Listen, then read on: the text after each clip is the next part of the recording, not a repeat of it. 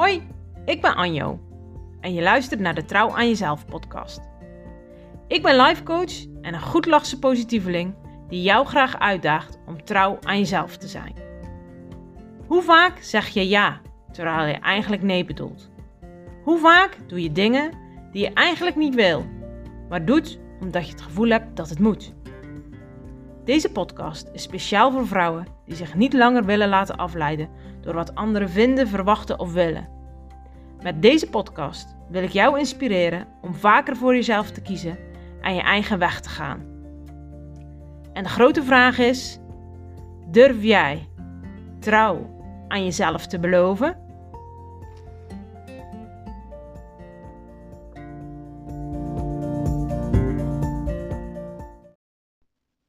Nou, lieve luisteraars, uh, het is weer zover. Ik heb hier weer iemand aan tafel zitten waar ik zelf heel enthousiast van word. En ik wil jullie graag voorstellen aan Anne Aarsens. Anne ken ik doordat zij de moed had om uh, ja te zeggen tegen een uh, VIP-dag die ik samen met haar heb gedaan. En uh, ja, ik vind dat Anne ook gewoon een super tof verhaal heeft. Ehm, mooie ervaringen als het gaat over trouw zijn aan jezelf. Dus Anne, van harte welkom. Ja, dankjewel. Wil jij jezelf voorstellen aan mijn luisteraars? Ja, zeker. Nou, ik ben uh, Anne Aarsens. Uh, ik ben uh, geboren in uh, IJsendijken. In de polder van IJsendijken. Ach, dus is Vlaming. Ja, precies. En um, ik, ik ben 21 jaar. Ik woon sinds kort in de Zandstraat, net voorbij Filipine, samen met mijn vriend. En um, ja, wat kan ik nog meer vertellen over mezelf? Um, ik, uh, ik werk als uh, begeleider in de gehandicaptenzorg. En uh, daarnaast ben ik voor mezelf een praktijk aan het opzetten in energiewerk, waarin ik vrouwen wil helpen met hun hoogsensitiviteit. Ja, ja. om daarmee om te leren gaan en hun energie te bewaken. Dus ja, ja dat. Nou, dat klinkt al uh, als hele mond vol eigenlijk. ja. uh, wat je allemaal doet en wie je bent. Uh, ja. Ehm, ja, en Anne, ik ga ook gewoon de vraag aan jou stellen. Um, durf jij jezelf trouw te beloven? Ja, ja. Um, vroeger had ik daar nog heel veel moeite mee. Maar ik merk dat ik tegenwoordig heb ik het ook nodig om mezelf trouw te beloven. Ik vind het heel belangrijk om tegenwoordig bewuste keuzes te maken met um, ja, keuzes maken die bij mij passen, die bij mij uh, horen, waarvan ik um, ja, hoe moet ik het zeggen? Keuzes maken waarbij ik um, mezelf kan zijn, waarbij ik ja, mezelf goed bij voel. ja, dat een beetje. Ja, ja, gewoon eigenlijk keuzes waardoor jij Anna kan zijn. Ja. Uh, ja. Hoe, hoe ging dat vroeger? Maar je zegt van, oh ja, uh, vroeger was dat eigenlijk nog niet zo aan de hand. Nee, ja, vroeger was ik eigenlijk altijd heel erg gericht op die ander. Ik, uh, ik voelde altijd heel veel dingen aan, dus ik was ook altijd heel erg gericht van, oh, kan ik wat voor je doen? Kan ik je helpen met iets? Um, ik was altijd heel gefocust op die ander. Altijd mijn best doen om te zorgen dat het voor de ander oké okay is altijd um, afstemmen van, oh, wat heb jij nodig? Kom maar bij mij. Kom ik maar. voor je zorgen. ja, en ik merk dat ik dat, ja, de afgelopen jaren heel erg ben gaan leren van, ja, weet je, wat is nou belangrijk voor mij in het leven? Wat wil ik? Wat is voor mij belangrijk? Welke keuzes die ik maak, zorg dat ik mezelf kan zijn. Naast die ander. Oh, dat vind ik echt super mooi wat je zegt. Van wie kan ik zijn naast de ander? Ja, ja. In plaats van alles over te willen nemen van die ander. Ja, dat ik zelf weer terug in de spiegel durf te kijken van, ja weet je Anne, wat wil ik nou eigenlijk in het leven? Wat is voor mij belangrijk? Welke keuze wil ik maken om te zorgen dat ik mezelf kan zijn? Eigenlijk waar en met wie ik ook ben, zeg ja. maar. Ik ja, merk dat ik dat met dieren heb ik altijd... Vroeger, ik ben opgegroeid dan op de boerderij. Mm -hmm. Ik had ontzettend veel ruimte om me heen. Ik, uh, we hadden eigenlijk uh, ja, geen buren in ieder geval buren op afstand. En ik ben opgegroeid met heel veel dieren, met honden, met kippen, met uh, konijnen, met uh, schapen. Weet je, het was gewoon één grote dieren, beestenboel eigenlijk. En ik merkte dat het contact met de dieren, dat dat bij mij altijd heel vanzelf ging. En dat voelde heel open. En ehm, ja, ik had altijd het gevoel alsof ik bij de dieren gewoon mezelf kon zijn. En ehm, toen ik naar school ging, als klein meisje, merkte ik eigenlijk al dat het contact uh, met het contact wat ik had met dieren, Uh-huh. dat dat heel anders was dan het contact wat ik had met mijn eh, ja, met mensen. Dat ehm, ja, het contact met de dieren is gewoon onvoorwaardelijk elkaar lief hebben, zeg maar. Gewoon, Uh-huh. ja, het dier mag er zijn en ik mag er zijn, dus dat gaat gewoon heel erg vanzelf. En op school had ik altijd een beetje het gevoel alsof ik ehm, mezelf niet kon zijn, dat ik me moest aanpassen aan het systeem. Mhm. En ehm, daardoor merkte ik eigenlijk ook wel dat ik eigenlijk vanaf jongs af aan ook zoiets had van, hè, wat, wat maakt dat ik me thuis heel erg mezelf kan voelen Ja, ja, en mezelf volledig kan zijn en wie ik ben. Maar dat ik dat op school op- gewoon totaal niet voel. Dat ik niet voel dat ik die ruimte heb. Dat ik niet voel alsof ik hetzelfde ben als die andere kinderen. Die heel makkelijk eh, naar school gaan. Echt blij zijn om de dag weer te beginnen. En ik zoiets heb van ja, ik wil gewoon snel mogelijk naar huis. En ik wil gewoon weer eh, in de wei lopen met mijn beestjes. Of gewoon lekker met mijn varken gaan Ja, lopen, ja, ja. weet je wel. Dat ik echt het gevoel had van ja, weet je, ik, ik, ik mag mezelf niet zijn. Ik moet me aanpassen aan het systeem om een goede leerling te zijn. Je leeft eigenlijk echt in twee werelden. Dat, ja, precies dat. En ik merk eigenlijk vanaf jongs af aan dat ik me daardoor heel erg ben gaan aanpassen aan de omgeving. Dus wanneer ik dan bij mensen was, dat ik heel erg zoiets had: oh ja, oké, eh, wie zijn deze mensen? Wat voel ik? Ehm, hoe moet ik mezelf laten zien om te zorgen dat het gewoon eh, voor mezelf een veilige setting blijft, weet je wel? En, maar uiteindelijk ook niet mezelf kon zijn in Nee. die omgeving. Dus ook niet mezelf durven laten zien. En ja, ook zoiets hebben van, ja weet je, ik denk hier heel anders over, maar ik zal mijn mond wel houden, want volgens mij vinden ze me anders raar. Je was een soort chameleon. Zo van, Ja. als ik maar opga in de omgeving, Ja, dan, dan ben ik veilig. Maar Ja. dan ben ik eigenlijk niet mezelf. ja, precies dat. Ja. En zo gefocust zijn, oh ja, wat, wat vraagt die omgeving van mij? Hoe moet ik mezelf nu aan gaan passen zodat het voor mijn omgeving oké is? En eigenlijk, ehm, ja, dit heb ik best wel lang volgehouden.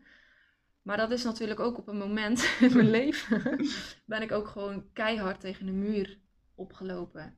Wat, En- wat, wat, wat was dat moment dat je tegen de muur opliep? Ehm, nou ja, ik heb toen in, ehm, ik weet niet meer precies hoe oud ik was, heb ik op mijn dertiende of veertiende heb ik dan een motorongeluk gekregen.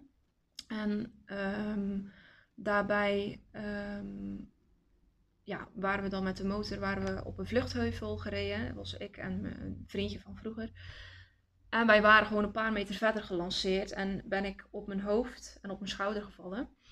En eh, toen is er ook een ambulance bijgekomen en ben ik naar het ziekenhuis gebracht. Hebben ze gewoon foto's gemaakt van mijn lichaam, zeg maar. Omdat ik ook gewoon even niet meer kon lopen. En ehm, toen kwamen ze erachter dat ik een, ehm, een eh, dat mijn schouder was verbrijzeld. En ook was eh, gebroken. Dus er zat een breuk in mijn schouder. Uh-huh. Maar er zaten ook stukken bot in mijn Mhm. schouder, zeg maar. Allemaal kleine stukjes bot. Zat door heel mijn schouder, zeg maar. En ehm, dus daar waren de dokters dan heel erg op gefocust van... Oké, weet je, die schouder die is, eh, die moet weer gemaakt worden. Ja. Dus ik werd geopereerd. Daarna werd ik gewoon, ehm, ja, ben ik gewoon weer eigenlijk het, het gewone leven gaan leiden wat ik daarvoor deed. En eh, ging ik gewoon door. ik ging gewoon door, ja. Dus ik, eh, ja, mijn, mijn arm zat dan in de mitellen. Dus die werd gedragen en ik ging gewoon door met waar ik van tevoren mee bezig was. Dus ja zeggen op de ander. eh, van, oh, kan, Anne, kan je me hierbij helpen? Ja, natuurlijk kan ik jou helpen. natuurlijk, ja. Ge- Geef je zorgen maar aan mij, weet je wel. Zo stond ik vroeger heel erg in het leven. En op een moment begon ik te merken, toen zat ik op de middelbare school op het Zwindel in Oostburg. En begon ik dingen op te merken van, jeetje, ik, ik, mijn dag is klaar en ik merk gewoon dat ik me niet meer kan concentreren. Echt, mijn hoofd zit helemaal vol. Ik loop naar buiten en het licht ehm, voelt echt als steken in mijn hoofd. Ik merkte ook dat mijn schoolresultaten heel erg achteruit gingen. Mhm. En dat ik ook echt begon te stotteren. Dus ik dacht echt van, Oh. jeetje, wat is er bij mij aan de hand? wat gebeurt er? Dus dat vond ik eigenlijk ook heel eng. En ehm, nou ja, weet je, ik dacht van ja, het zal wel overgaan.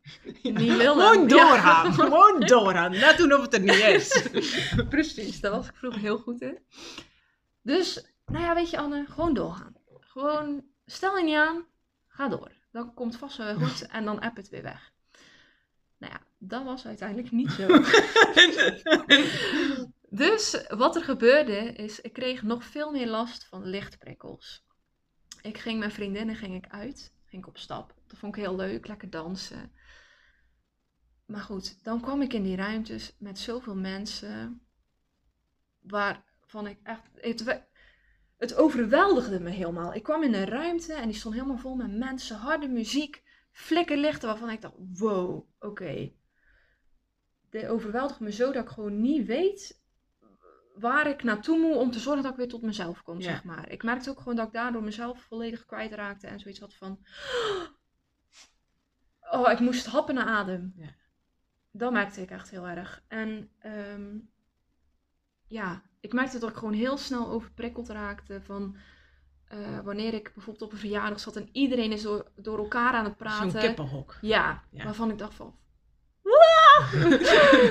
Hoe kan ik hier weg? Ja, wat gebeurt er? Ik, ik kan gewoon niet meer zelf denken. Ik kan ook niet meer luisteren, want ik hoor alles. Alles Ja. komt gewoon keihard binnen. Je kon niet meer filteren. Ik kon gewoon niet meer filteren. En ehm, ja, dat heb ik dus eigenlijk gewoon... Ik ben daar gewoon in doorgegaan. Want ja, ik dacht ook van ja, weet je, ik wil ook gewoon graag samen met mijn vriendinnen zijn. Ik wil ook gewoon mensen ontmoeten. Ja. Maar goed, daarin ging ik ook weer keihard op mijn bek eigenlijk. Van ja, ik, ik volg steeds mijn vriendinnen en ik volg ook st- steeds die mensen. Ik kom steeds in die drukke ruimtes. Maar ja, ik kan hier gewoon niet meer in functioneren, merkte ik zelf. Nou ja, ehm, ik wist het wel, maar toch had ik zoiets van ja, ik weet ook niet wat ik anders moet doen. Dus ik ga gewoon Maar maar zeker op die leeftijd is het ook gewoon heel moeilijk, omdat ehm, de wereld wordt ook een beetje zo gepresenteerd. Als je Ja. op die leeftijd bent, dan, dan hoor je de fun en de lol en, en, en eh, de feestjes. Ja. Eh, daar, daar mag je niks van missen, zeg maar. Precies, ja. En daar ging ik ook gewoon nog helemaal in mee.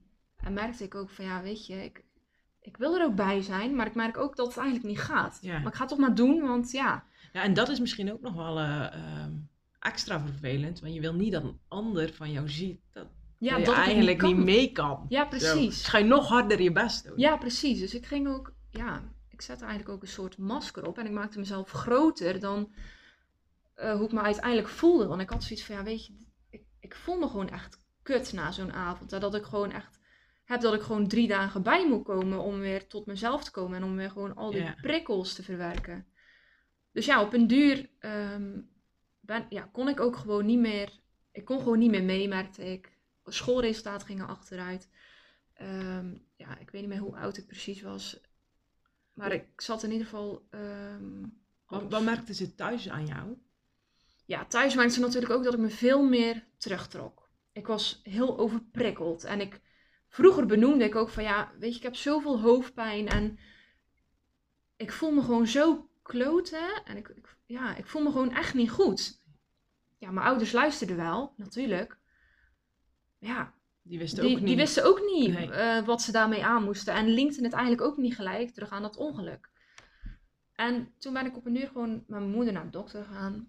En ehm, de dokter vroeg ook van ja, sinds wanneer heb jij deze klachten eigenlijk? Nou ja, dus toen, dan begin ik pas na te denken van, hé, hey, waar, waar komt het eigenlijk vandaan? Hè? Ja, Van, wanneer is het begonnen? Ja, Wat want- is de aanleiding geweest? precies, want eerst had ik zo het gevoel van, jeetje, het, het overkomt me.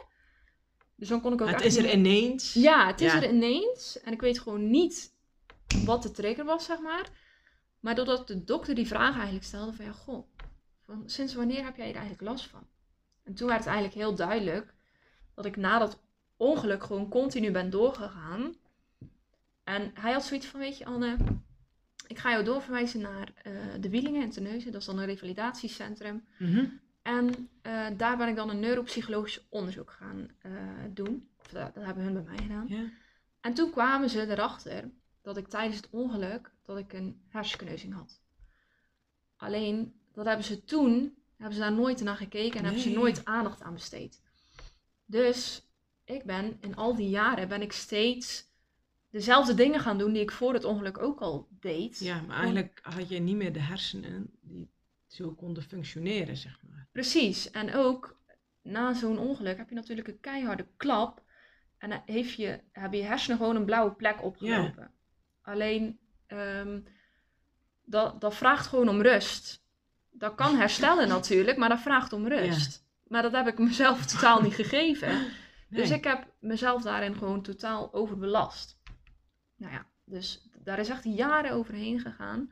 Ik had zoiets van, ja, weet je, het komt allemaal maar goed. En ik was eigenlijk een beetje aan het aanmodderen, een beetje alle ballen omhoog proberen te houden. Terwijl ik ook wist van, ja, wanneer kan ik nou een keer ademhalen, weet je wel? Wanneer eh, kan ik weer terug die rust vinden in mezelf? Nou ja, dat had ik toen gewoon niet.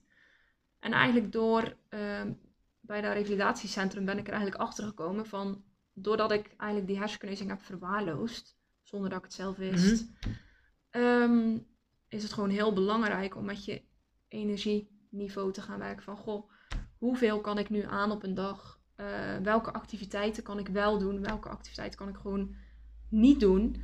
Of bijvoorbeeld maar één keer in de week of één keer in de twee weken. Ik noem maar even wat. En um, daardoor ben ik eigenlijk heel veel inzicht gaan krijgen. En van hé, hey, dat komt daar dus vandaan. Ik heb mezelf zo lang, heb ik, uh, ja, ben ik gewoon over mijn eigen grenzen heen gegaan. En um, ja, mijn lichaam had op een uur ook zoiets van, ja weet je, stop, tot hier en niet verder. En toen kwam ik op een uur, werd ik ook gewoon overspannen. En uh, kon ik ook gewoon helemaal niks meer. Ik kon gewoon alleen nog maar liggen. Ik kon alleen maar thuis zijn. En uh, ja, zoveel mogelijk slapen. Ik sliep bijna alleen maar. Het was gewoon al die vermoeidheid die, waar ik mezelf aan overgaf. Ja. Die er ineens... Nou ja, jouw lichaam heeft gewoon uh, jaren op zijn reserve eigenlijk gelopen. En, en die ja. wilde nu even een inslag... ja. we noemen een inhaalslag maken eigenlijk. Ja.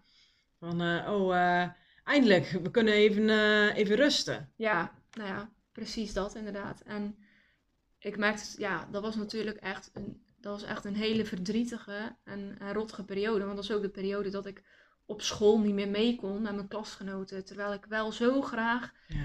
uh, mijn diploma wilde halen, want ik wilde andere mensen helpen. En weet je wel, ik wilde andere mensen begeleiden en ik wist dat ik het zo goed kon. Alleen ik kon gewoon niet mee, want ik was gewoon zo uitgeput. Dat ik gewoon echt ook voor mezelf gewoon moest staan van, weet je, hoe nu verder? Het, het, op deze manier gaat het niet meer. Dus ik moet gewoon een manier vinden die bij mij past, zodat ik weer wel vooruit kan. Ja, deze straat is eigenlijk een doodlopende straat. Ja. Uh, dus ik, ik moet nu een andere afslag nemen. Precies, ja. En dat heb ik toen ook gedaan. Ik ben toen gestopt met school. En um, toen heb ik uh, mijn school ook afgesproken van dat ik dat jaar voor mezelf zou nemen om volledig te revalideren, om weer volledig te herstellen. Om mijn hoofd ook gewoon weer rust te geven en te kijken van oké, okay, waar krijg ik energie van? Wat, ja, waar lekt energie, zeg maar. Ja. En, uh, wat zijn voor mij voorwaarden waardoor ik mijn energie kan behouden? Precies. Uh, waar, wat, wat is niet helpend voor mij uh, om mijn energie goed te houden? Ja. Um, dus dat ben ik toen heel erg gaan leren en gaan inzien van, oh ja, oké, okay, dit werkt dus wel, dit werkt niet. En ook dat ik me er ook nog niet altijd aan toe wilde geven. Ik was zoiets van, ja, hallo, ik wil ook gewoon een keer met mijn vriendinnen weg en op stap en lekker leuke dingen gaan doen en uit eten. En, maar daarna, dat ik ook gewoon weer een terugval kreeg. Van, ja. oh, kut. En dan word je gewoon weer geconfronteerd met uh, dat het gewoon nog niet gaat zoals het daarvoor soms wel ging. Ja, en het gek is misschien soms ook wel dat, dat we ons dan zo ja, spiegelen aan hoe het normaal ja. is, zeg maar. Maar misschien is dat normaal eigenlijk voor iedereen wel niet um, goed voor de energie, zeg maar. Ja. ja, inderdaad. Want ik ging mezelf heel erg vergelijken met vriendinnen. Ik dacht, hè, hoe kan het nou dat hun er wel kunnen ja. en dat ik het gewoon niet kan? Weet je wel, dat was heel confronterend en dan voelde ik ook gewoon mega eenzaam. Maar goed, mijn vriendinnen zijn wel altijd echt een, een luisterend oor geweest. En ik kon daar wel altijd mijn verhaal bij kwijt. En hun, hun begrepen misschien niet, of ja, hun luisterden gewoon en ik kon er gewoon zijn zoals ik toen was. Je voelde je gehoord en precies. gezien eigenlijk door je vriend, vriendinnen, ja. ook al leefde zij een ander leven. Ja, precies. Ja, en oh, dat, dat, is wel mooi. Ja, dat maakte het voor mij weer um, heel fijn ook om bij hun te zijn. En ook van, weet je, als hun dan uitgaan en het gaat voor mij gewoon niet, wensen kunnen gewoon heel veel plezier en... Ja weet je, dan hoor ik die verhalen van hun en dan word ik daar ook weer helemaal blij van. als hun terugkomen. Het was eigenlijk een soort uh, gelijkwaardige uitwisseling. Zo, of of in, in, welke vorm je dan ook meedeed. Ja. Ehm, het was oké. Het was gewoon helemaal oké. Ja, en dat was gewoon heel, heel fijn. Ja. Dat dat er mocht zijn en dat we toch alsnog die vriendschap hadden. En dat ik ook niet met alles mee kon met hun, maar dat dat ook helemaal niet nodig was. Dus die vriendschap was gewoon compleet.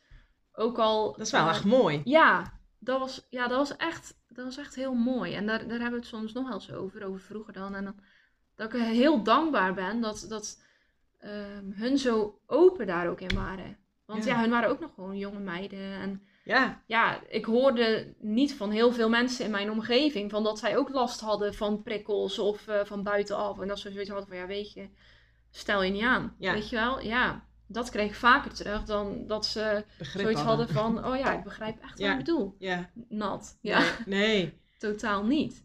Dus ik voelde me ook best wel onbegrepen in die periode. En heb ik ook best wel een lange tijd, heb ik het gewoon alleen gedaan. Ja. En sommige dingen had ik zoiets van, dan wilde ik iets delen. Maar dan kan dat totaal niet aan van, ja, dan doe je toch gewoon de. Of uh, dan zorg je toch gewoon dat je even een powernapje door en bij de er af. Ja. You wish. Bedankt voor de tip, maar ja, uh, ja voor mij werkt dat niet. Nee. Dus ja, dat was eigenlijk um, ja, een periode waarin ik heel erg mezelf leerde kennen. Van oké, wat, uh, wat werkt voor mij, wat werkt gewoon niet voor mij. Ook een, ja, ook een stukje acceptatie van... Weet je, ik kan ook gewoon helemaal niet mee. Ik kan gewoon niet mee. Maar dat ook gewoon nog niet wilde accepteren. Dat heb ik ook een hele lange periode gehad. Ja. Van dat ik gewoon hetzelfde wilde zijn als, uh, als mijn uh, leeftijdsgenoten. En ja. ja. Mee in die trein, hè? Ja. Zo, uh, zij kunnen het wel en ik kan het niet. Ja, precies. Ja. ja. En daar ook gewoon echt onzeker over. Wat, wat, wat heeft jou geholpen om, om uiteindelijk um, ja, daar wel mee te kunnen dealen? Nou, dat was eigenlijk heel mooi, want in die periode dat ik toen in dat revalidatiecentrum uh, ben gestart, toen heb ik uh, de stekker eruit getrokken bij school, zeg maar. Dus toen mhm. ben ik daar gestopt. En uh, toen kwam uh, mijn tante van, Anne, kom eens langs en ehm, ja, ik wil gewoon even mee kletsen. Ja, prima, dus ik ben toen langs gegaan bij mijn tante. En ze zei van, uh, kom bij mij de NLP opleiding doen. Mhm. Dus ja, had ze uitgelegd over wat dat ging en nou ja, over, over uh, het gedrag van mensen. Wat maakt dat iemand zich zo gedraagt zoals hij zich gedraagt? Wat, waar komt dat vandaan? Uh, hoe zijn mensen uh, vanaf jongs af aan zeg maar, geprogrammeerd, ook in de maatschappij? Uh-huh. Dus ja, er waren natuurlijk dingen die ik super interessant vond en die ook heel erg aansloten op mijn opleiding. Dus nou ja, ik ben dat gewoon gaan doen.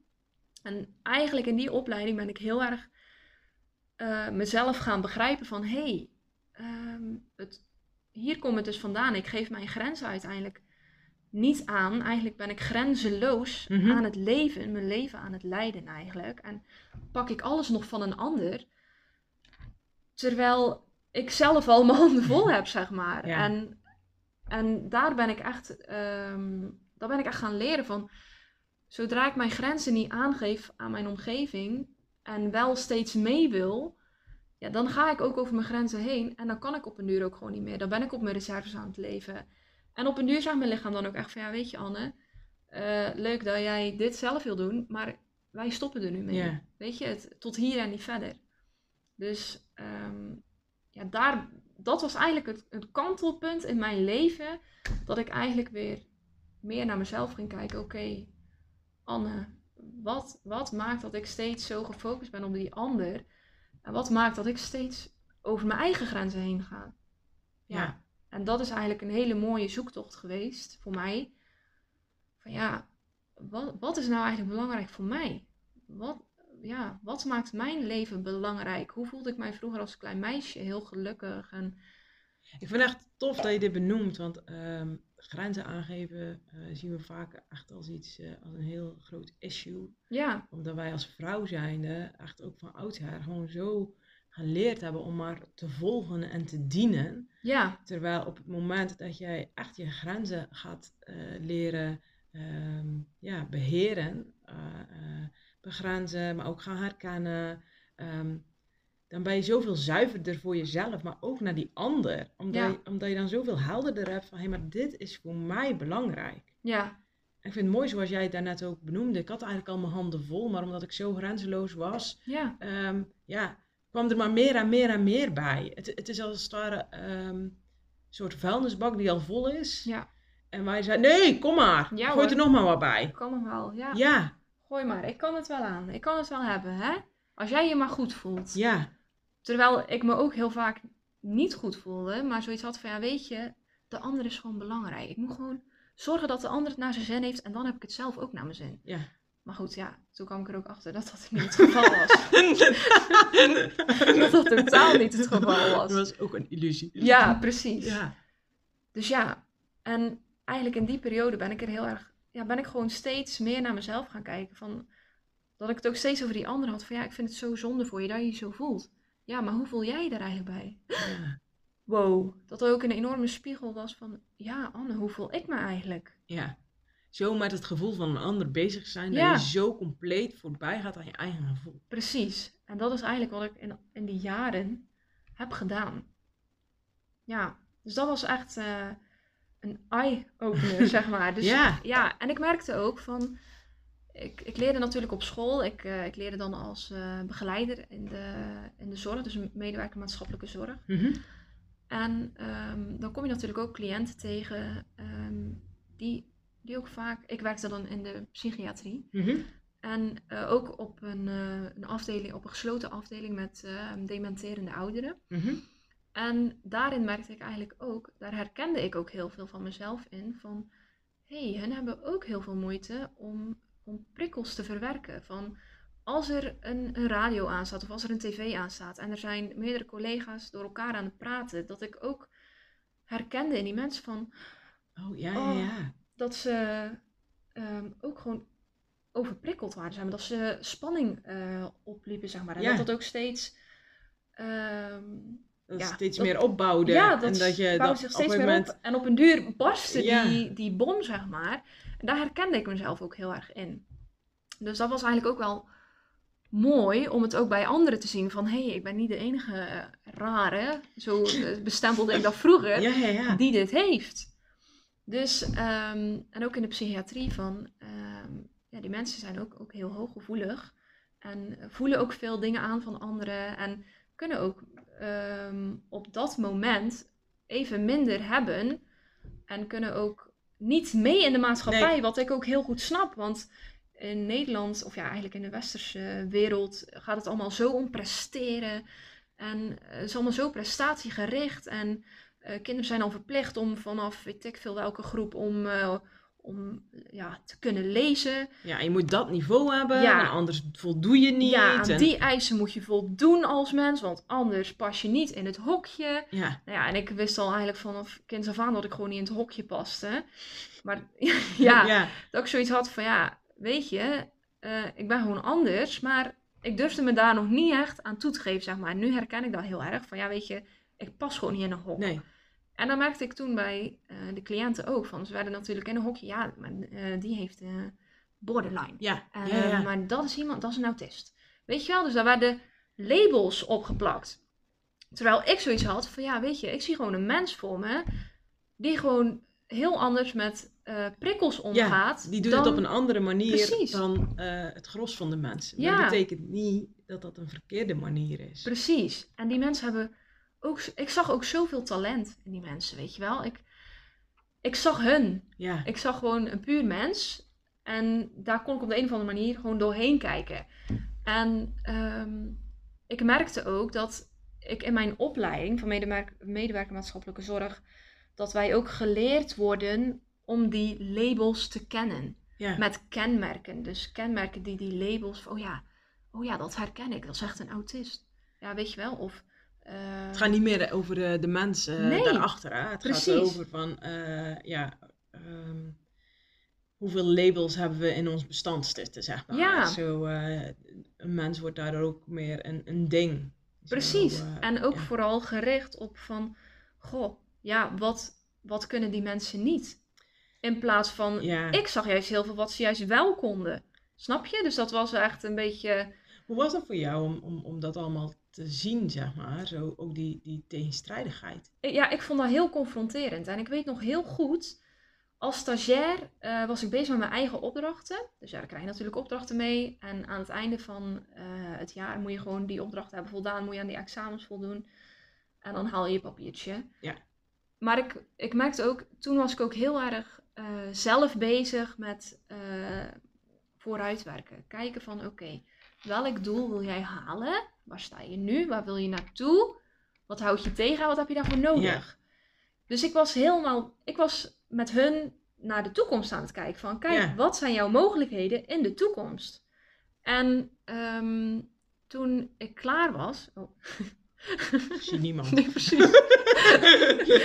toen ik klaar was met mijn opleiding, ben ik um, een half jaar eerst in de. dus even een onder hoor, uh, luisteraars. Er gebeurt hier iets, maar daar hoeft niemand te weten. dus ik merkte dat ik. Oh ja, toen ik uh, mijn diploma had gehaald, als stagiair. Um, toen ben ik een half jaar in Frankrijk gaan wonen en ben ik de Frans taal gaan leren. Mm -hmm. En um, toen heb ik in een wijnchateau gewerkt. Maar toen ik terugkwam, ging ik natuurlijk als uh, werknemer um, in de psychiatrie werken. Ja. En toen zag ik eigenlijk het verschil. Van, ik was eerst met mijn opdrachten was ik uh, naar doelen toe aan het werken. Ik was aan het kijken waar die mensen, ja, wat hun mogelijkheden waren. Van, goh, wat, wat is voor jou allemaal mogelijk? Wat zijn je talenten? Uh, welk doel wil je bereiken? Wat heb je daarvoor nodig? Weet je wel? Dus dat was voor mezelf gewoon heel Ja. positief. Ja, daar, daar haalde jij ook energie uit. Ja, daar haalde ik heel veel voldoening uit. En die mensen kregen dan ook weer een glimlach op hun gezicht, waarvan ik ook gewoon helemaal ging stralen, Ja. weet je wel. En toen ging ik, ehm, ja, werken. Als een echte volwassene. Ja, en toen begon ik eigenlijk pas het systeem te zien.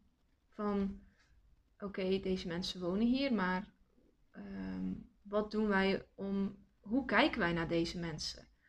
We kijken weer steeds met een label naar deze mensen. De mensen worden niet gezien zoals ze eigenlijk puur zijn. Ja.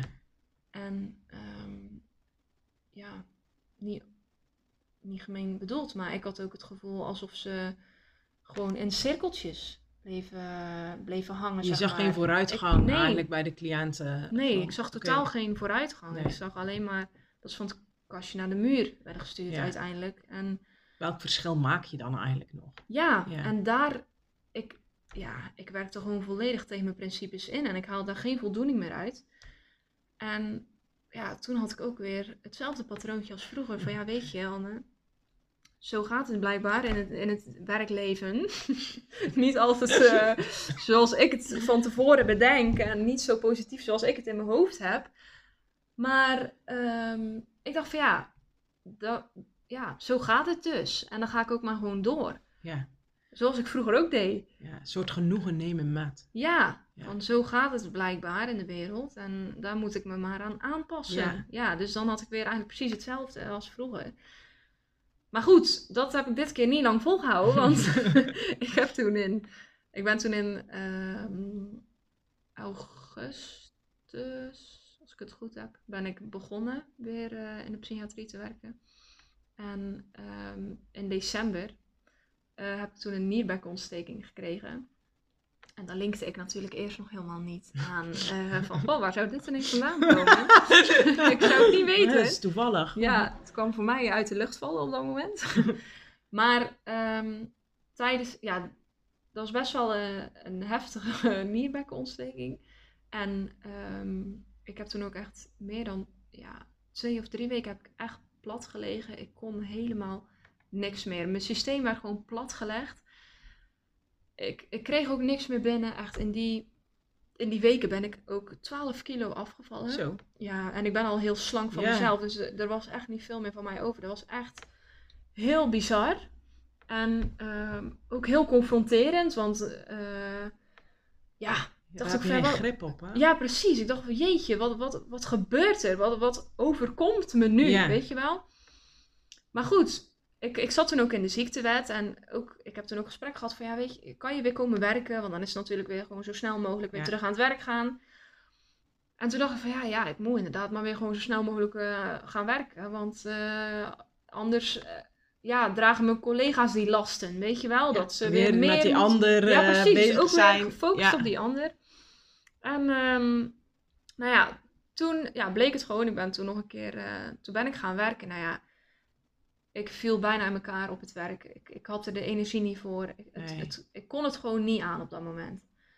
Nou, dus toen kwam ik weer thuis te zitten. En um, in die periode begon bij mij ineens de omslag van, weet je Anne, ik ben toen eigenlijk gewoon de hele tijd met mezelf gaan praten van, word ik hier nou eigenlijk gelukkig van?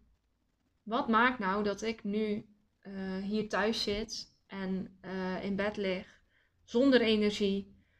Wat maakt dat ik mij nou zo voel? Ja. En dat ik gewoon, ja, waar word ik nou eigenlijk wel gelukkig van? Ik, ik merkte ook van, weet je, op deze manier werken past gewoon niet bij mij als mens. Ja. Ik kijk heel anders naar die mensen.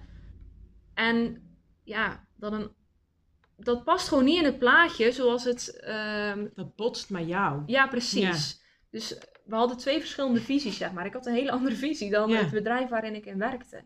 En ik kon me daar ook niet meer aan aanpassen, want dan had ik mezelf ermee. Ja, jij werd daar ziek van. Ik werd daar gewoon letterlijk... Om je aan te passen aan zo'n systeem. Precies. Dus jouw lichaam gaf echt gewoon letterlijk aan van... Hé hey Anne, wat je nu aan het doen bent, dat is niet voor jou. Precies. Ja, dus dat was eigenlijk een enorme eye-opener van... Wow, ik, heb dus weer, ik ben weer zo over mijn grens heen gegaan om me maar weer aan te passen aan het systeem dat ik ook zoiets had van, ja weet je, ik heb nog een heel leven voor me. En van, van mezelf ben ik gewoon een heel blij mens. Heel tevreden, heel positief. En kijk altijd naar mogelijkheden. En dacht ik echt van, ja waar is dat meisje gebleven? Waar is die vrouw gebleven die zo positief in het leven staat? En die ook altijd de mogelijkheden ziet bij anderen. En ook voor mezelf. Maar dat ik toch nog vaker zoiets heb van, oh ja, maar wat heb jij nodig? In plaats van, wat heb ik nodig? En toen heb ik echt die ommekeer gemaakt van, weet je Anne, wat wil ik?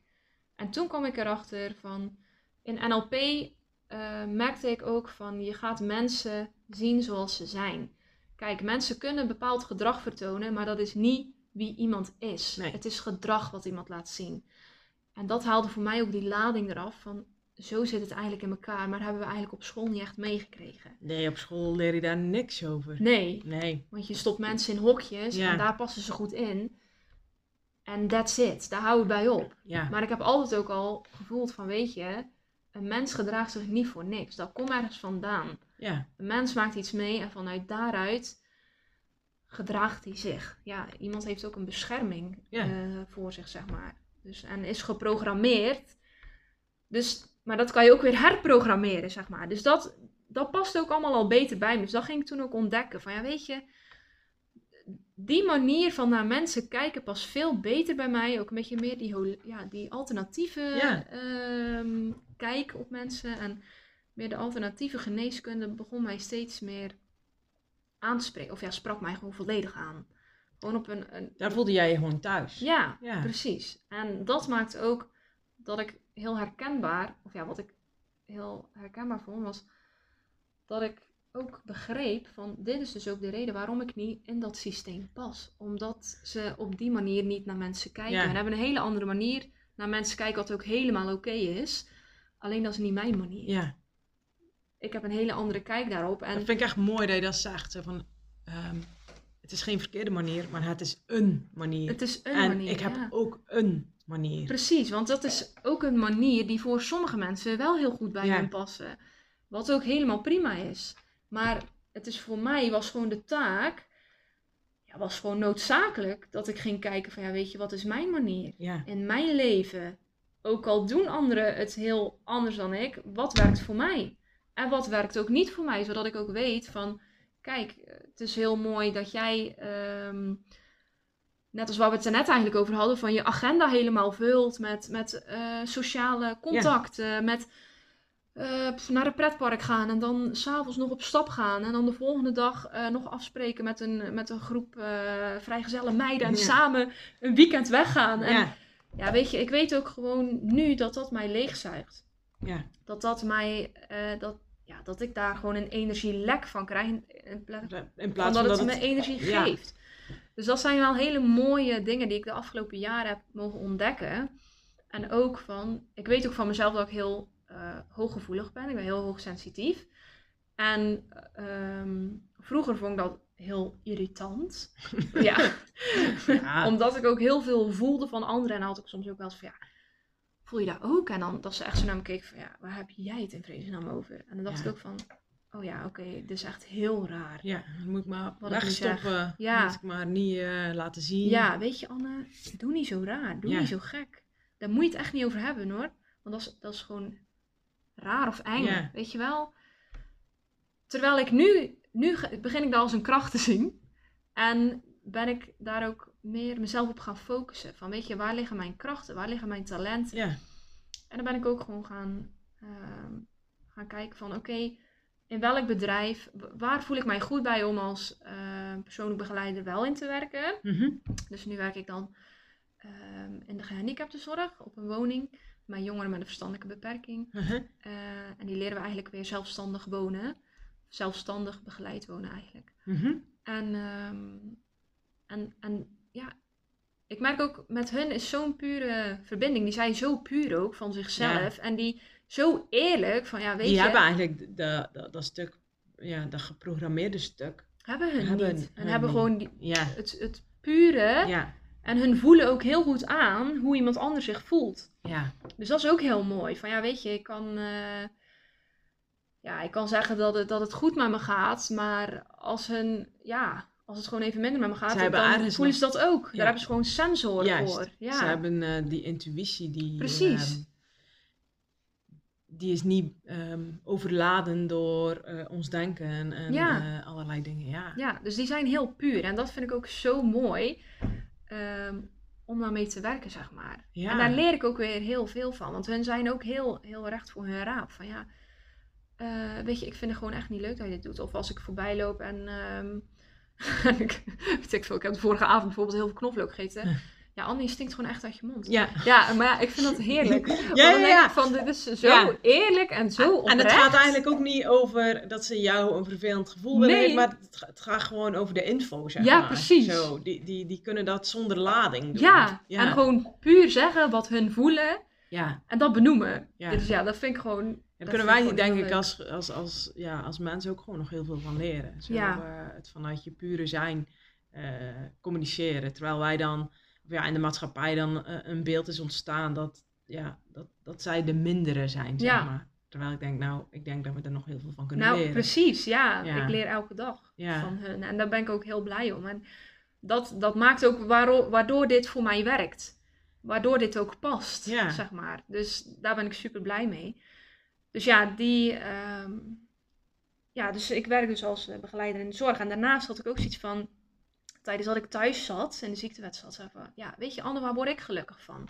Ik wil mensen helpen, maar waar wil ik mensen mee helpen? Waar, waar liep ik vroeger heel erg tegenaan? Weet je wel, um, die hoogsensitiviteit, uh, ook het stukje spiritualiteit, dat ik ook meer voel en zie en weet, zeg maar. Um, ja, dat ik daar ook meer mezelf in ben gaan verdiepen. En dat ik daar ook merkte van ja, dit is wat mij oplaat. Dit is waar ik zo gelukkig van word. En um, dat ik daar ook gewoon steeds meer de keuze in ben gaan maken afgelopen twee jaar. Van ja, weet je Anne, wat maakt mij gelukkig? Welke keuze kan ik vandaag maken om te zorgen dat ik steeds dichter bij mijn eigen geluk kom.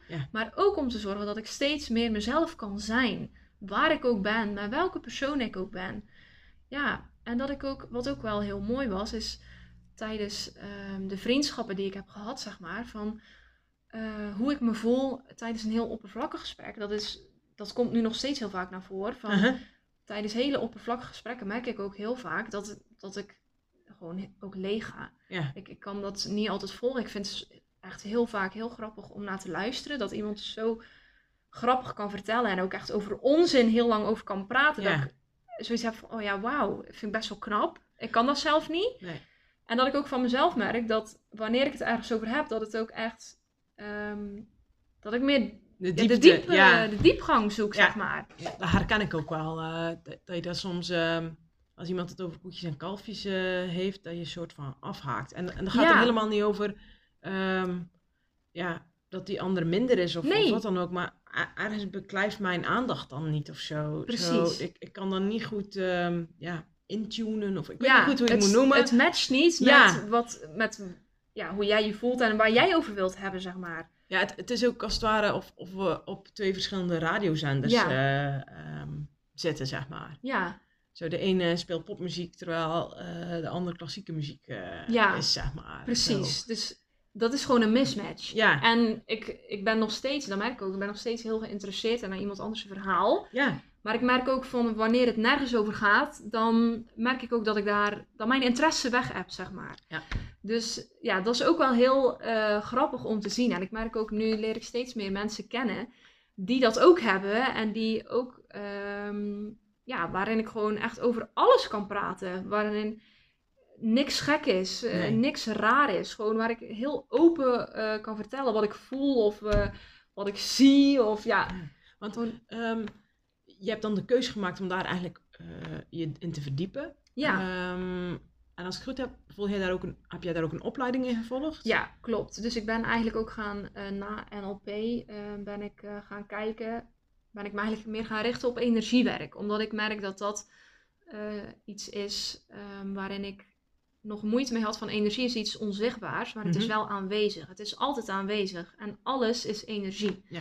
En ik merkte dat ik daar zelf nog heel, uh, ja, dat ik daar nog heel veel in had te leren eigenlijk. Dus ik ben gaan rondkijken op internet van oké, okay, energiewerk.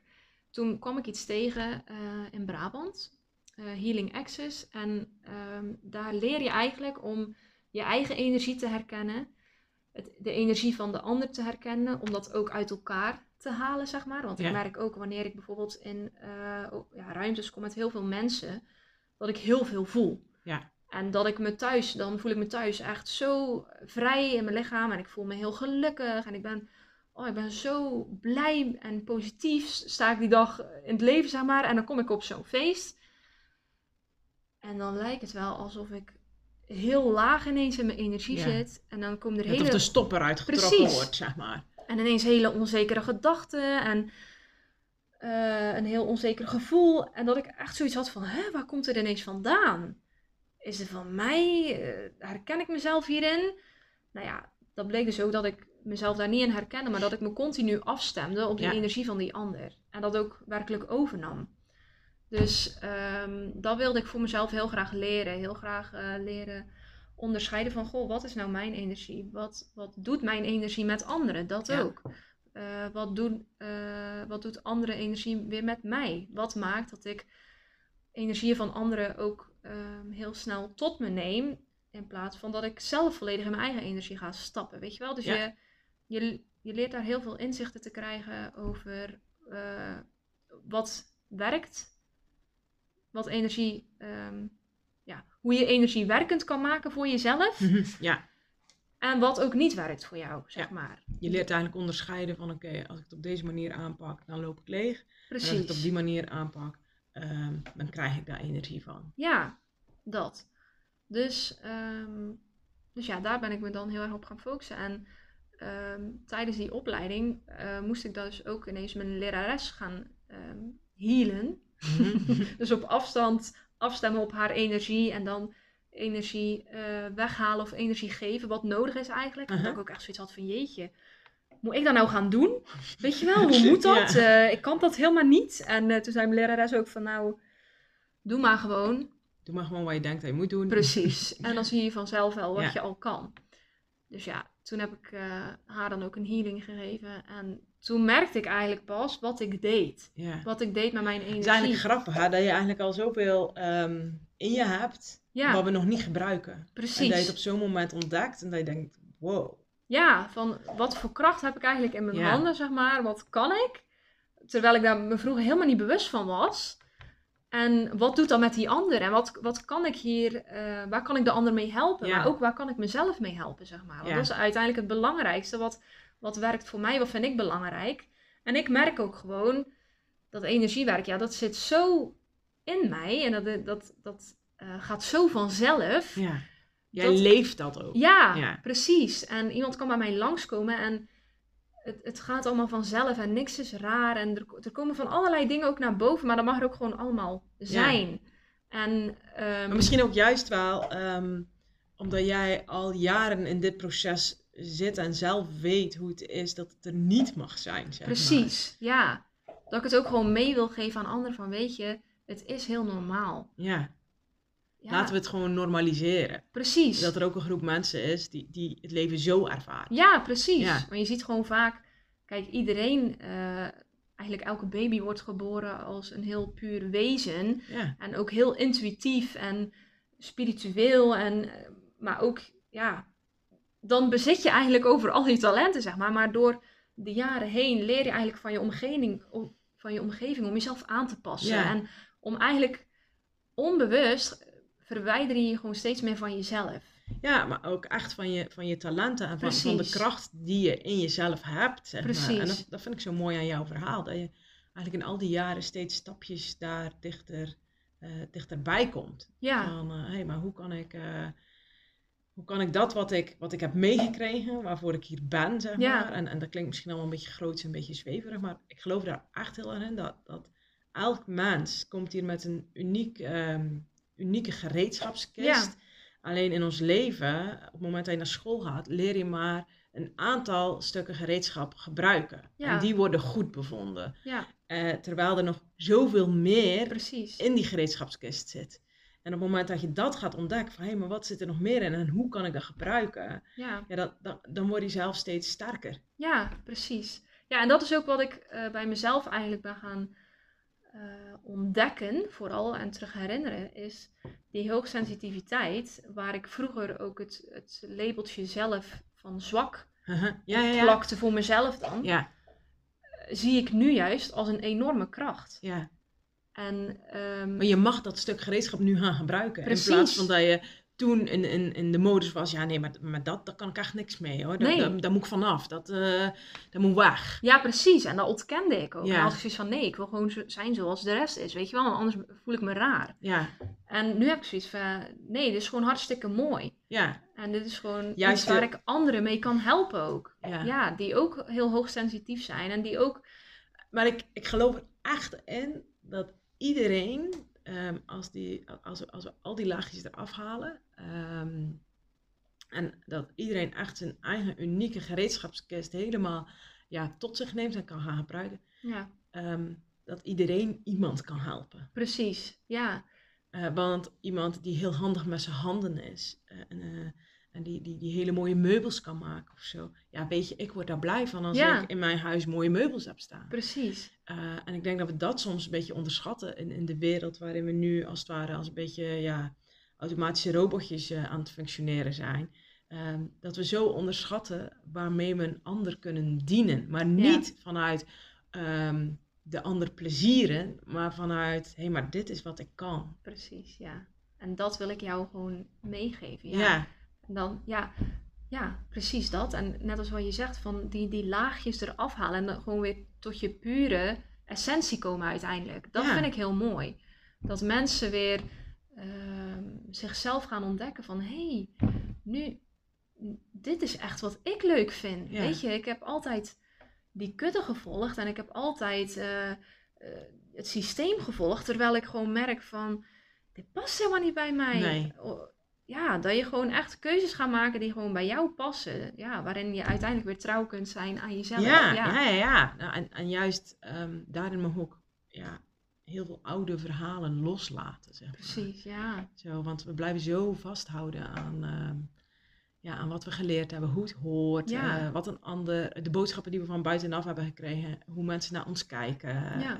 Um, en dat is denk ik ook wel echt iets, iets heel waardevols om, uh, ja, om en ook doen om, om neutraal, zonder oordeel naar jezelf, maar ook naar de ander te kijken. Van weet je, iedereen heeft zijn eigen rugzak. Ja, en bij mij, ik heb ook mijn rugzak. Uh, ja, ja, en jij ook. Maar dat je gewoon neutraal naar jezelf leert kijken van, ja, oh ja. dit, dit zit er. En dat mag er ook gewoon zijn. Ja. Weet je wel? En van die ander ook. Het is allemaal prima. Dit is wel grappig, want het doet me een beetje denken aan, aan de VIP die we samen hebben gehad. Zo, uh, Misschien is het wel ook leuk om daar nog iets over te vertellen. Want um, jij hebt de VIP-dag bij mij gedaan. Ja. Uh, wat wat heeft ertoe geleid dat je dacht, ja, ik ga een VIP-dag doen bij Anjo? Ja, nou, um, dan ga ik even helemaal vanaf het begin. Want ik heb toen, uh, toen ik uh, voor mezelf had besloten om voor mezelf te gaan beginnen, heb ik weer een social media account aangemaakt, dus Instagram. En uh, ik ben jou toen tegengekomen via Instagram. En toen zag ik allemaal uh, verhalen voorbij komen over trouwen aan jezelf. En toen in januari of zo, of februari, ik weet niet meer precies in welke maand, had je toen die challenge, die vierdaagse challenge. dat is later zelfs nog geweest. Oh. Ik denk dat het uh, mei was of zo. Oh, oké. Ja. ja, dus toen kwam ik dat tegen van die vierdaagse challenge. En uh, toen dacht ik, oh ja, daar wil ik aan meedoen. en uh, ik, ik wilde ook gewoon daarvan leren, weet je wel. Ik wilde ook gewoon weer meer inzicht krijgen in mezelf. Van hoe kan ik ervoor zorgen dat ik nog uh, trouwer kan zijn aan mezelf? Welke keuzes kan ik gaan maken? Welke acties kan ik ondernemen om nog trouwer te zijn aan mezelf? Waardoor ik weer volledig mezelf kan zijn. Dus ja, daar heb ik toen aan meegedaan. Uh, wat echt een super, ja, wat een super voor, uh, waardevolle uh, challenge was voor mij. Mm En toen kwam er ineens um, bij jou een story voorbij van een VIP-dag. Waarin we één op één gaan kijken van... Oké, okay, wat betekent trouw zijn aan jezelf voor jou? Wat, um, wat mag jij gaan ontdekken om uh, ja, welke keuze mag jij gaan maken om te ontdekken van wat trouw zijn aan jezelf voor jou betekent en wat je daaraan kan doen. Ja. Dus welke tools ik jou mee kan geven uh, om, om keuzes te maken om trouw te zijn aan mezelf. Dus ja, dat begon bij mij zo te, ja, ik ben daar zo blij van. Ik dacht echt van ja, dit ga ik doen. Ja. En het voelde gewoon heel goed. Ik vond, ik vond, het voelde voor mij ook heel goed om naar jouw verhaal uh, steeds te kijken, zeg maar, en naar je berichten.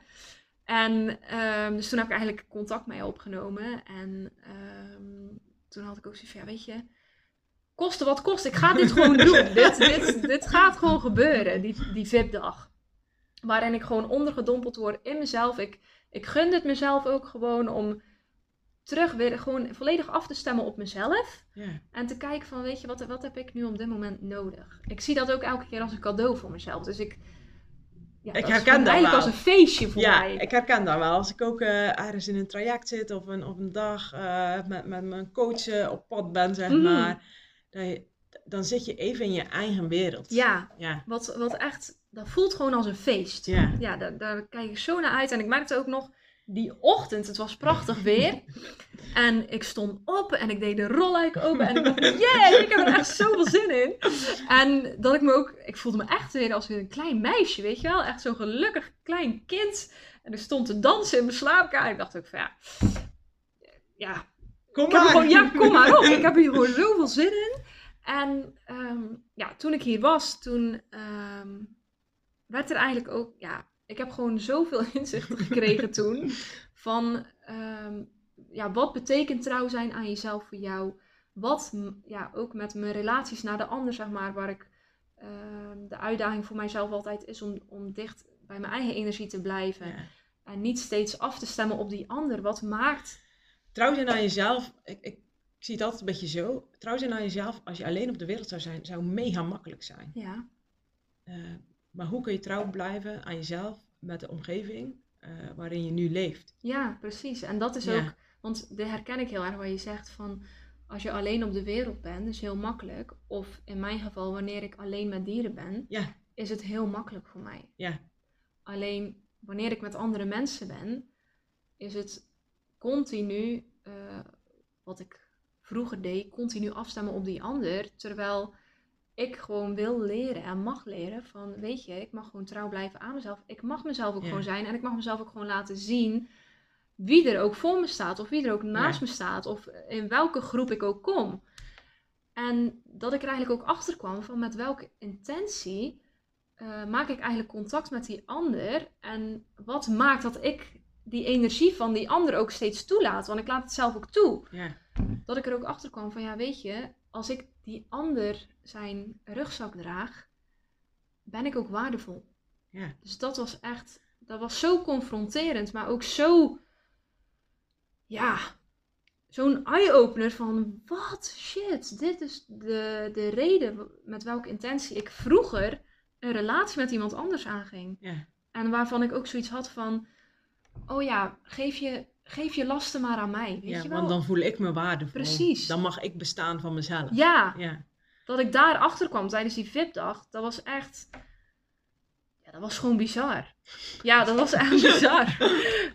en dat was zo'n mooi inzicht voor mij, want ik wist ook altijd al dat ik het wel deed.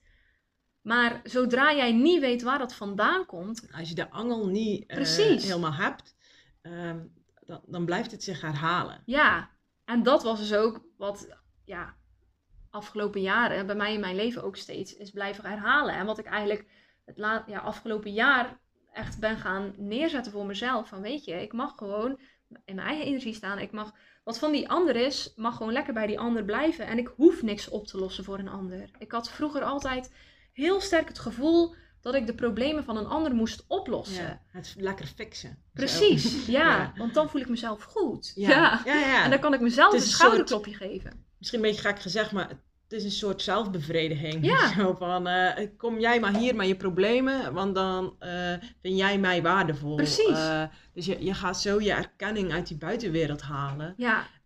waarbij je eigenlijk steeds verder van jezelf afraakt. Ja, en dat is dus hoe ik mijn oude leven eigenlijk leefde. Mm En dat is ook de keuze die ik nu maak van nee, weet je, ik ben trouw aan mezelf. Wat vind ik belangrijk? Wat is voor mij belangrijk? Wat doet het verdriet van die ander met mij? Zonder het te moeten overnemen. Ik mag gewoon luisteren en ik hoef niks over te nemen. Nee. En dat is ook voor mezelf zo'n verlichting geweest van jeetje, ik hoef niet heel de wereld te dragen. Ja. Want dat kunnen ze ook zelf. En eigenlijk ook waar ik me dan vroeger ook natuurlijk niet bewust van was, maar uiteindelijk, ik wil mensen helpen, maar ik wil wel mensen onafhankelijk van mij maken. En wat ik vroeger deed, is ik maakte mensen afhankelijk van mij door hun problemen over te nemen. Want wanneer ik hun rugzak afpak, ja, hebben hun niet de ruimte om het zelf op te lossen. Ja, om, dus telkens als ze een probleem hadden, moesten ze terug naar jou komen. Precies. Van, oh ja, maar bij anderen voel ik me goed. Ja, precies. Ja, Dus ja, dat was natuurlijk ook gewoon een, een, een cirkel ja. die, um, ja, die ik eigenlijk nu gewoon, of ja, eigenlijk al heel de jaar aan het doorbreken ben. Van weet je, het is niet nodig, ik hoef het niet te dragen. En dat is zo'n opluchting voor mezelf. En ook, dat vond ik ook zo mooi aan die VIP-dag. Van ik kreeg dan een, uh, ik kreeg een tas en ik kreeg een mooi schriftje. En tijdens die oefening van loslaten, want dat is ook um, iets wat ik vroeger heel moeilijk vond om dingen los te laten. Dingen van de ander los te laten vooral. En ja, natuurlijk kwam die dag de oefening om dingen van mezelf los te laten.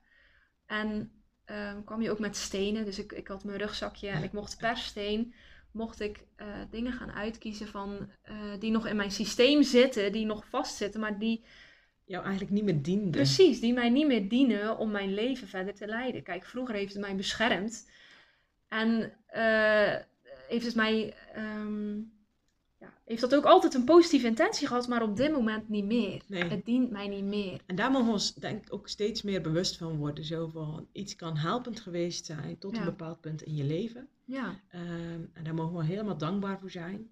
Um, maar vanuit die dankbaarheid mogen we ook zeggen, dankjewel dat je, dit, dat je mij tot hier hebt gebracht. Precies. En nu laat ik het los. Ja, ja want wat ik vroeger deed is, ik, ik ik hield het onder water. Ik hield het als een ballon onder water. Van ja, ik doe net alsof het er niet is. Ja. Hè? Dan, dan lijkt het ook alsof het er gewoon niet is. Ja, maar ja, die ballon. Bam. Ja, precies. dus dat werkt ook niet. En ik, ik merk ook, ik gaf mezelf ook totaal geen, geen erkenning daarin. En dat doe ik nu wel, wat er ook gewoon voor zorgt dat het ook gewoon gelijk loslaat. Maar, maar dat is ook, um, ik denk dat dat ook een beetje het, het, um, het lastige aan juist het vasthouden is. Ja um, vasthouden, op het moment dat jij vasthoudt, dan kun je ook niks anders meer aannemen. Ja. Want je hebt je handen niet vrij. Ja, precies. Ja. En ik had dat, ik had al die lasten van die anderen, had ik bij me, waardoor ik ook niet mijn eigen leven kon leiden, maar ook niet trouw kon zijn aan mezelf, omdat ik continu uh, trouw was aan die ander. Ja. Ja. ja dat, dat was jouw houvast eigenlijk. Precies. Want dan mocht jij bestaan. Dan voelde jij je waardevol. Ja. Dan voelde jij je erkend. Ja.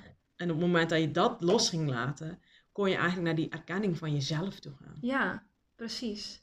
En ja, mocht ik per stenen mijn... Ja, de dingen die ik van de ander droeg, mocht ik gewoon gaan loslaten. En dat heeft er ook echt voor gezorgd dat er... Uh, dat ik mezelf ook vrijer ben gaan voelen. Dat het gewoon een hele opluchting was en gewoon echt een last van mijn schouder en mijn nek afviel.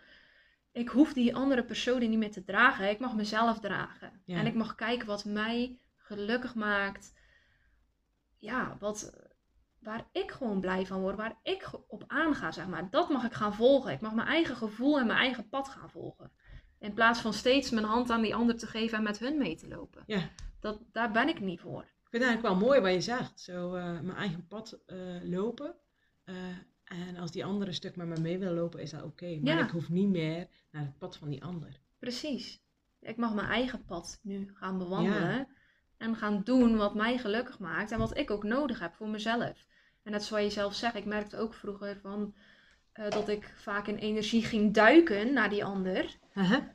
Maar dat ik ook gewoon in mijn eigen energie mag blijven. En dat de ander uh, mee mag varen op mijn energie. Maar dat ik niet per se uh, mezelf hoef te verlagen in energie, zeg maar. Jij mag in je eigen hoge energie blijven, ook al is er iemand in lage energie om jou heen. Ja, die mag bij mij mee aansluiten als diegene daar behoefte aan heeft. En heeft diegene daar geen behoefte aan, dan is dat ook oké. En dan blijf je gewoon waar je wil blijven, ja. Dus dat was een heel mooi inzicht voor mij. Van, ja, ik mag gewoon de dingen doen die voor mij belangrijk zijn. En de stappen maken die ik nu heb te zetten. In plaats van te wachten van, oh ja, gaan jullie met me mee? Ja. Of, weet je wel? Vind jij het wel goed? Ja, ja. mag het wel? is het oké dat ik deze stap nu zet? Ja. Dus, ja. Soms schrik ik gewoon zelf een beetje uh, hoe bizar veel er op zo'n dag uh, gebeurt. Ja. ja, dat was ook echt... Uh, het was echt een magische dag. Op het moment dat ik alles achter me liet en losliet, ontstond er ook iets heel magisch of zo. En ook een echt ruimte in mezelf, maar ook, ik voelde weer volledig mijn eigen energie. Ja. Volledig mezelf. En ik had ook het gevoel alsof we alleen maar ze bleven stijgen. ja, ja. Of ja, bleven stijgen, zeg het maar. Eigenlijk, um, eigenlijk bij elke steen, bij elk onderwerp waar je losliet, ja, gebeurde er ook van alles in de omgeving. Ja. Uh, ja. Dat, dat was ook echt bizar. Gewoon alles in energie deed mee. Ja, precies. En dat was echt heel mooi en ook heel waarneembaar, heel duidelijk waarneembaar. Van... Het, was, het was steeds tastbaar gemaakt. Ja, ja. Dat was, Echt, uh, dat was echt bizar. Het was echt een hele magische dag, echt. Ja. Waarin, en we, we overstijgden elkaar ook. Van, ik, ik ging mee op jouw energie, jij ging mee op mijn energie. En ja, we gingen gewoon steeds hoger en hoger. Het was echt dat is gewoon echt een hele... Ja, ik, ik verbaas me telkens over wat er tijdens zo'n VIP-dag uh, gebeurt. Zeg Ja. En, uh, ik vind het ook zo mooi om bij jou te zien van... Uh, ja, dat het ook echt weer deuren heeft opengezet. Ja, zeker. Zo, ehm, Heel veel deuren zelfs. En ook mezelf toestemming geven om trouw te zijn aan mezelf. Want dat is het ook, hè? Van jezelf toestemming geven. Ja. Ik vroeg altijd toestemming van die ander. Weet je, mama, mag ik dit doen? Ja, vroeger, eh, ja, als je kind bent is al logisch natuurlijk. Maar ook als ik gewoon ouder was, van, oh, ja, ik wil eigenlijk dit doen, maar mag, ja, is dat wel oké? nou, het grappige is dat ehm, als we 18 zijn, uh, dan denken we dat we volwassen zijn. en vaak ehm, hebben we misschien ook wel de boodschap meegekregen. Ja, zolang je hier onder een dak woont, dan heb je te doen zoals ik het doe. Uh, als je op je eigen benen staat, dan mag je het helemaal zelf weten. En we denken, in, in die illusie leven we ook, dat op het moment dat we dan inderdaad ehm, uit huis gaan, dat we het dan ineens anders gaan doen. Maar dat is niet zo. Nee, precies. Uh, we, we mogen onszelf echt veel meer bewust zijn dat dat ook aandacht nodig heeft om los te komen van onze ouders. Van die toestemming, van die bevestiging. Ja. Ehm, en zoals we met onze ouders omgaan, zo gaan we vaak ook met de rest van onze omgeving om. Zo van, oh ja, kan ik dit wel maken? Um, Vindt die ander dat wel goed? Uh, en dat we in een soort ja, afwachtende houding blijven, zeg ja. maar. Ja, inderdaad. En ik her, of ja, wat ik vooral van vroeger herken, is inderdaad van ik, ik deed heel veel van. Ja, ik leek gewoon eigenlijk op mijn ouders. Ik was gewoon eigenlijk een kopie van mijn ouders. En uh, ik merk ook, de afgelopen jaren ben ik gewoon de beste versie van mezelf gaan worden, zeg maar. Van wie ben ik? Ik ben gaan ontdekken van ja, wie ben ik nou uh, zonder mijn ouders? Wie ben ik zonder mijn broer? Wie ben ik zonder die rol van begeleider? Wie ben ik zonder mijn vriendinnen? Weet je wel, dat je echt puur gaat kijken van wie ben ik nou op deze wereld? In plaats van los van alle rollen die je eigenlijk in het dagelijkse leven gewoon hebt natuurlijk, dat is ook logisch. Ja. Maar dat je echt gaat kijken van, ja, wie ben ik zonder al die rollen? Ja. Heel vaak passen we ons aan aan de rol in plaats van dat we de rol op een manier gaan invullen zoals die bij ons past. Ja. Vind ik echt mooi dat je dat, dat, je dat zegt. Ja. ja. Oh, mooi Anne. Ik heb nog één laatste vraag. En mhm. dat is, ehm, welke tip zou jij uh, aan de luisteraars van de podcast willen geven als het gaat over trouw zijn aan jezelf? Ja, ja heel veel. Gun vooral jezelf de ruimte om keuzes te maken voor jezelf. Ik herken voor mezelf dat ik uh, bijvoorbeeld coachingstrajecten doe ik om ook um, dichter bij mezelf te staan. En geef jezelf toestemming om geld uit te geven aan jezelf. Om um, die voorbeeldleraar, zeg maar, om daarvan te leren. Dus net als van Anjo, uh, dat zij je kan helpen om weer trouw te kunnen zijn aan jezelf. Want alleen, um, ja, het kan misschien zijn dat sommige mensen het kunnen. Ik, zou, ik weet niet hoe ze het doen. Maar alleen heb ik dit ook niet kunnen doen. Ik heb coaches gehad, ik heb uh, die mij verder brachten. En waar ik ook echt heel veel, waar ik eigenlijk ook gewoon mijn geld aan investeerde. Van geef jezelf die toestemming om ja te zeggen tegen jezelf. Ja. In plaats van continu te lopen voor je omgeving. Maar je hebt zoveel in je. En ik vind ook ieder mens heeft het recht om volledig zichzelf te kunnen zijn. Om volledig hun plek in te nemen hier op aarde, maar hier op de wereld. Van iedereen heeft een stem. Ja. Iedereen heeft een, een talent. Iedereen heeft een, een, een, een missie. Eigenlijk. Ik krijg er gewoon een beetje kipvel van ja. je, je zegt. Ja, ja, maar echt van geef jezelf toestemming. Ja. Durf trouw te zijn aan jezelf, maar durf jezelf ook toestemming te geven om ja te zeggen tegen jezelf. En, en de keuzes te maken om daar bijvoorbeeld hulp voor te vragen. Want hulp ik geloof, vragen... er, ik geloof er echt in. Ehm, ja, dat we allemaal het waard zijn om een coach, een trainer, een therapeut, hoe je de naam ook wil geven, zeg maar. Um, ik geloof daar heel erg in, dat we daar allemaal recht op hebben, omdat we ons eigen blinde vlekken kunnen we niet zien, zeg maar. Ja. Ik heb ook mensen om mij heen nodig om weer verder te kunnen groeien. Um, en ik vind het super mooi wat jij zegt. Van gun het jezelf alsjeblieft om uh, daar ruimte voor te maken. Zowel in tijd, aandacht, uh, geld, energie. Ehm, omdat het je zoveel meer oplevert dan uh, thuis op de bank blijven zitten worstelen. En um, steeds maar weer in hetzelfde gedoe terecht te komen. Op je werk, in je gezin. Um, het levert je zoveel meer op ja. Uh, en niet alleen jezelf, ook je nee, omgeving. Ja, precies. Want dan zie je ook weer van je omgeving groeit met je mee. Ja. De keuzes die jij maakt, dat iemand zoiets zegt van, oh ja, zo had ik er eigenlijk nog nooit naar gekeken. Maar, oh, wat, wat tof. Ik ga dat ook zo doen. Ja. Ja, dat je, ja, gewoon echt de ruimte neemt voor jezelf. Dat is zo belangrijk om even terug te reflecteren. Wat is nu belangrijk voor mij? Welke keuze mag ik nu maken? Ja, echt het stilstaan en vanuit daar kijken, hey, hoe ziet mijn leven er nu uit? Ehm, wat zijn de dingen die ik wil behouden? Wat zijn de dingen die ik los mag laten? Wat wil ik graag toevoegen? Maar welke keuze heb ik daarvoor te maken? Precies, ja. Oh, mooi Anne. Nou, dankjewel ja. voor deze, ja, voor deze kippenveltip.